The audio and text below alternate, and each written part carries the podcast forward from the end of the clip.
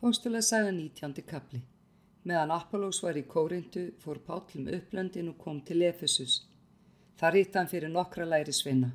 Hann sagði við það. Fengu þér heilagan anda er þér tóku trú. Þeir svöruðu, nei við höfum ekki eins og heyrt að heilagur andi sér til. Hann sagði, upp á hvað er þér þá skýrðir? Þeir sögðu, skýrð Jóhannesar? Þá mælti Pall. Jóhannes skýrði yðrunarskýrð og sagði líðnum að trú á þann sem á eftir sér kæmi og það er á Jésu. Þegar heyrðu þetta, letu þeir skýrast til nafns drottins Jésu. Er Páll hefði lagt hendur yfir þá, kom heilagur andi yfir þá og þeir töluðu tungum og spáðu. Þessir menn voru alls um tólf. Páll sótti nú samkundu í þrjá mánuði og talaði þar djarflega og reyndi að sannfæra menn um Guðs ríki. En nokkrir brinjiðu sig og vildu ekki trúa. Þegar þeir tókað íllmæla veginum í áhört fólksins, sagði Páll skili við þá, greindi lærisönnana frá þeim og síðan talaðan daglega í skóla Týranusar. Þessu fór fram í tvö ár, svo allir þeir sem í Asíu byggu heyrðu orð drottins, bæði gýðingar og gríkir. Guð gerði óvennilega kraftaverk fyrir hendur Páls. Það bar við að menn lögðu dúka og flíkur af Páli á sjúka og hurfu þá veikindi þeirra og yllir andar fór út af þeim en nokkri gýðingar er fóru um og frömdu andasæringar, tóku og fyrir að nefna nafn drottins Jésu yfir þeim er höfðu ítla anda. Þeir sögðu, ég særi yfir við Jésu þann sem Páll predikar. Þeir eru þetta frömdu voru sjösinnir gýðingsnokkur skefa aðstaprest. En ítlegandir sagði þá við það, Jésu stekki ég og, og Páll kannast ég við, en hverjir eru þér? Og maðurinn sem ítlegandin var í flög á þá, keirði þá alla undir sig og leik þá svo hart að þeir flýðu naktir og særðir úr húsinu. Þetta var kunnugt öllum Efesusbúum bæði gýringum og greikkjum og óttast loða þá alla og nafn drottins Jésús varð miklað. Margir þeirra sem trú hefðu tekið komu, gjörðu hjáttningu og sögðu frá aðtæfi sínu og all margir er farið höfðu með kukl, komu með bækur sínar og brendu þær að öllum ásjáandi. Þær voru samtals virtar á 15.000 silfurpeninga. Þannig breytist orð drottins út og eldist í krafti hans. Þá er þetta varum gardgengið, tók Páll þá ákverðin að ferðast um Makedóni og Akkau og fara síðan til Jérúsalem. Hann sagði, þegar ég hef verið þar, ber mér líka að sjá Róm. Hann sendi tvo aðstofarmenn sína, þá Tímoteus og Erastus til Makedóníu en dvaldist sjálfur um tíma í Asíu. Í þann tíma örðu mikla ræsingar út af veginum. Demetrius hétt maður og var silfusmiður bjóðan til Artemiðisar musteris úr silfri og veitti smiðum eigi litla atvinnu. Hann stemdi þeim saman og öðrum sem að slíku unnu og sagði Góðir menn, þér vitið að velmegun vor kvílir á þessari atvinnu og þér sjáuð og heyrið að Páll þessi hefur með fortölum sínum snúi fjöldafólks, ekki einungis í Efesus, heldur nærum gjörfalla Asíu. Hann segir að eigi séu þann einir guðir sem með höndum eru gjörðir og nú horfir þetta ekki einungis innvoru til smánar heldur einni til þess að helgidómur hinnar miklu giðju Artemísar verði einskisvirtur og að hún sem öll Asia og heimlisbyggðin dýrkar verði svift tiggsinni. Er þeir heyrðu þetta urðu þeir afa reyðir og eftu.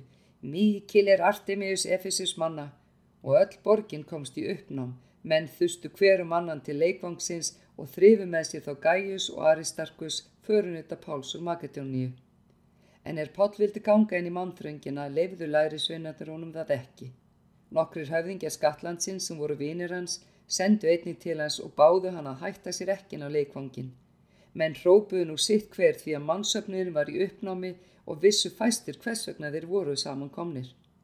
Nokkrir í mannþrönginni töldu það vera vegna Aleksandrs því að geðingar íttu honum fram, en Aleksandir benti til hljóðs með hendinni og vildi verja málsitt fyrir fólkinu. Þegar mennur þess vísir að hann var geðingur, lustu allir upp einu ópi og hrópuði nærfelt tvær stundir. Mikil er Artemius Efesus manna. En borgarítarinn gatt sefað fólkið og mælti. Efesus menn, hver er sá maður að hann viti ekki að borgi Efesus manna geymir musturinn hinn að miklu Artemiusar og steinin helga af himni. Þar sem enginn má gegn því mæla beriður að vera stiltir og hrap ekki að neinu. Þér hafi dreyið þess að menn hinga þó þér hafi korkið fram með helgispjöld nýja lastmelkið í voru. Egin úr Demetrius og smiðirinn sem honu fylgja sökvin okkur, þá eru þýndagar haldnir og til þess eru landstjórar. Egist til lögvið, En ef þér hafið annars að krefja, má gjöra út um það á löglegu þingi. Við hefum á hættu að verða sagaður um upprist fyrir þetta í dag og getum ekki bent á neitt tilefni sem geti afsakast lík ólæti. Að svo meldu letan mannsöfnuðin fara. Póstula sagan 20. kapli Þegar þessum látum lindi sendi Páll eftir lærisvinnunum upparvaða og kvatti síðan og laði af stað til Makedóníu. Hann fór nú um þau héruð og uppörfaði menn með mörgum orðum. Síðan hjælt hann til Greiklands. Dvaldist hann þar þrjá mánuði, þó bjóst hann til að sigla til Sýrlands en þar eða geðingar brugguðunum launráð, tók hann til braðs að hverfa aftur til Makedóníu. Í förmánu voru þeir Sópater, Pírusson frá Berjóju, Aristarkus og Sekundus frá Thessalóníku, Gæis frá Derbe, Tímuteus og Asíumenninni Tikkius og Trófimus. Þeir fóra á undan og byðu voru í Tróas, en við sildum eftir daga og úsýrðu bröðuna frá Filippi og komum til þeirra í Tróás á femta degi. Þar stóðum við við í sjö daga. Fyrsta dag vikunar er við vorum samankomni til að brjóta brauðið, talaði Pál til þeirra. Hann var á förum daginn eftir. Endist ræða hans allt til miðnættis. Mörg ljós voru í loftstofunni þar sem við vorum samankomnir. Ungmenni eitt eftíkusanapni satt í glukkanum. Seg og hans svefnhafgi er Pál rætti svo lengi og fjallan sofandi ofan af þriðja lofti.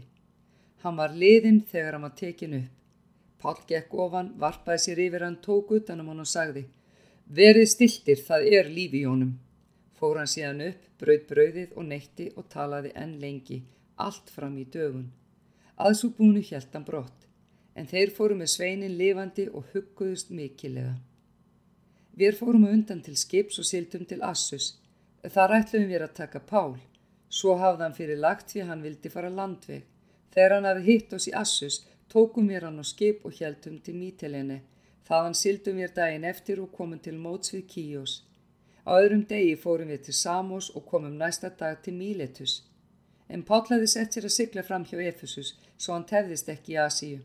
Hann hraðaði ferð sinni að vera mætti að hann kæmist í Jérúsalem á kvítasunnudag. Frá Míletus senda hann til Efesus og bóðaði til sín öldungasapnaðarins. Þegar þeir komu til hans sagðan við þá. Þér viti hvernig ég hef hagað mér hjá yfir alla tíð frá þeim degi er ég kom fyrst til Asíu.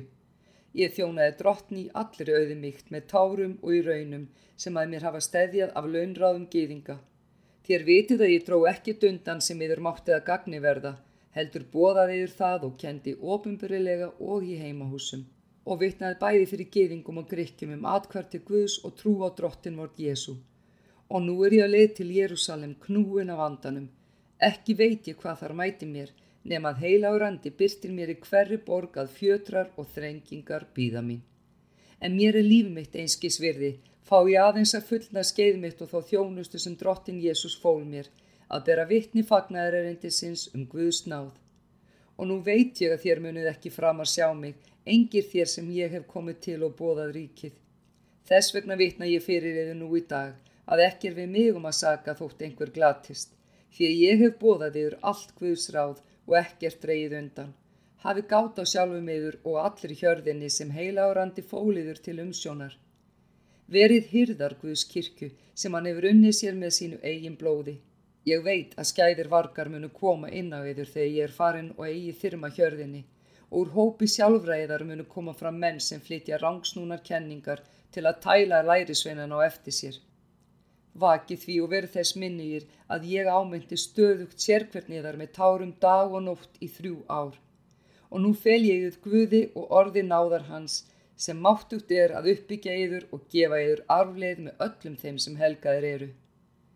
Eigindist ég silfunni gullni klæði nokkus manns. Sjálfur viti þér að þessar hendur unni fyrir öllu því er ég þurfti með og þeir sem með mér voru. Í öllu sínd ég yfir með því að vinna þannig ber oss að annast óstyrka og minnast orða drottins Jésu að hann sjálfur sagði Sætla er að gefa en þykja. Þegar hann aði þetta mælt, fjallan á knie og baðist fyrir á samt þeim öllum. Allir tóku að gráta sáran, fjallu um hálspáli og kistan. Mest var þeim um þau orðans að þeir myndu aldrei framar sjá hann. Síðan fylgdu þeir honum til skips. Póstulega sagðan 21. kapli. Þegar við höfum slítið oss frá þeim, letum við í haf og heldum beina leið til Kós, næsta dag til Rótus og þaðan til Patara. Þar hittum við á skip er fara átti til Föníku. Stegum við á það og letum í haf. Við höfðum land sín af kýpur, letum hann á bakborða og sildum til Sýrlands og tókum höfni í Týrus. Þar átti skipið að leggja upp farminn. Við fundum lærisvennana og döldumst þar í sjö daga. Þeir sögðu Páli af gift andans að hann skildi ekki halda áfram til Jérúsalem.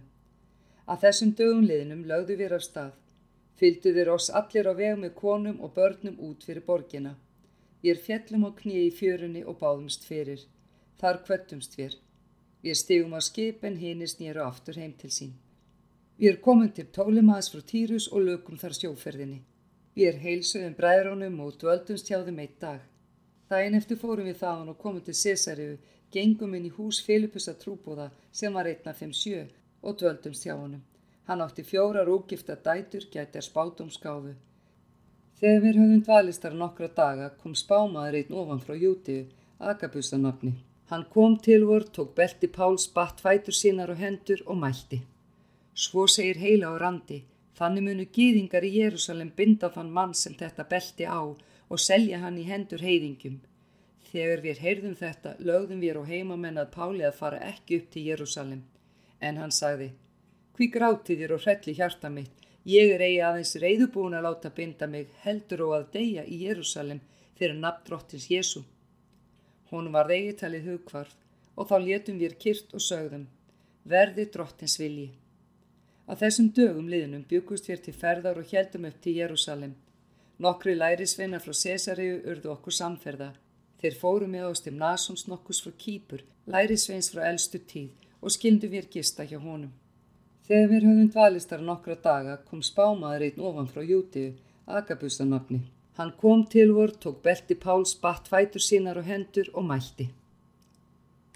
Þegar við komum til Jérúsalem tóku bræðurnir á svegin samlega. Næsta dag gekk Pál með ást í Jakobs og allir öldungarnir komið þangað. Pál heilsaði þeim og lísti síðan nákvæmlega öllu sem Guð hefði gjört með reyðingjana með þjónustu hans. Þeir veksum við Guð fyrir það sem þeir heyrðu og sögðu við hann. Þú sérð bróður hver margir tugir þúsunda það eru meðal geðinga sem trú hafa tekið og allir eru þeir vandlátur um lögmálið. En þeim hefur verið sagt að þú kentir öllum geðingum sem eru meðal heiðingi að hverfa frá mósi og segir að þeir skulu kvorki umskera börn sín ég fylgja síðum vorum. Hvað á nú að gjöra? Vísmund það spyrjast út að þú ert komin. Gjör því þetta sem við erum nú segjum þér. Hjá oss eru fjórin menn sem heit kvílir á. Tak þá með þér Lát reynsast með þeim og ber kostnaðin fyrir þá að þeir geti láti raka höfið sín. Og þá með allir sjá að ekkert er hæft í því sem þeim hefur verið sagt um þig, heldur gæti þú lögmál sem sjálfur í breytniðinni. En um heiðingi sem trú hafa tekið höfum við gefið út bref og álíktað að þeir skulu varast kjötfórna skurgoðum, blóð, kjöt af köpnuðum dýrum og sörlifnað. Pál tók að sér mennina og let reynsast með þeim deginum eftir. Síðan gekk hann inn í helgidómin og gjörði kunnugt hvenna hreinsunadagarni væri á enda og fórni fyrir hvert þeirra skildi fram borin. Þegar dagarni sjö voru nær liðni sáu giðinga frá Asíu Páli helgidóminum. Þeir komu öllu fólkin í uppnám, lögðu hendur á hann og hrópuðu. Ísraels menn, veitið nú lið, þetta er maðurinn sem allstaðar kennir öllum það sem er andstætt liðinum, lögmálinu og þessum stað. Og nú hefur hann aukþess heldur farið með grikki inn í helgidóminu og sörga þannan heilega stað en þeir höfðu áður séð Trófimus og Efesus með honum í borginni og hugða að Páll hefði farið með hann inn í helgidómin. Öll borgin var uppvæg, fólk þusti að, þeir tóku Pál og dróðan út úr helgidóminum. Í abskjútt var dýrunum læst. Þeir ætluða líflátan, en hersvitarfóringjan var tjáð að öll Jérúsalem var í uppnámi. Hann brá við og tók með sér hermen og hundrasöðingja og hljóp niður til þeirra. Þegar þeir sáu hersvitarfóringjan og herminina hættu þeir að berja Pál. Hersvitarfóringi kom þá, tók hann og skipaði að binda hann tvennum fjötrum og spurði hver hann væri og hvað hann hafi gjört. En sitt kallaði hver í mannfjöldanum.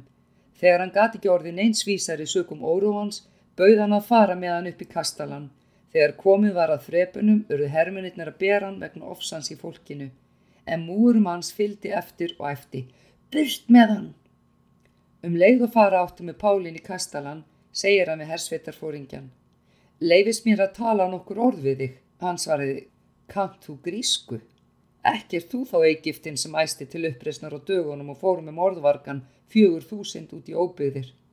Pál sagði, Ég er gyðingur frá Tarsus í Kilikíu, borgari í ekki ómörkum bæ. Ég byrði og leif mér að tala til fólksins. Hann leifði það og Páll bandaði hendi til fólksins þar sem hann stóði í þrepunum. Þegar hann hafi fengið gott hljóð, mælti hann til þeirra á hebruskur tungu.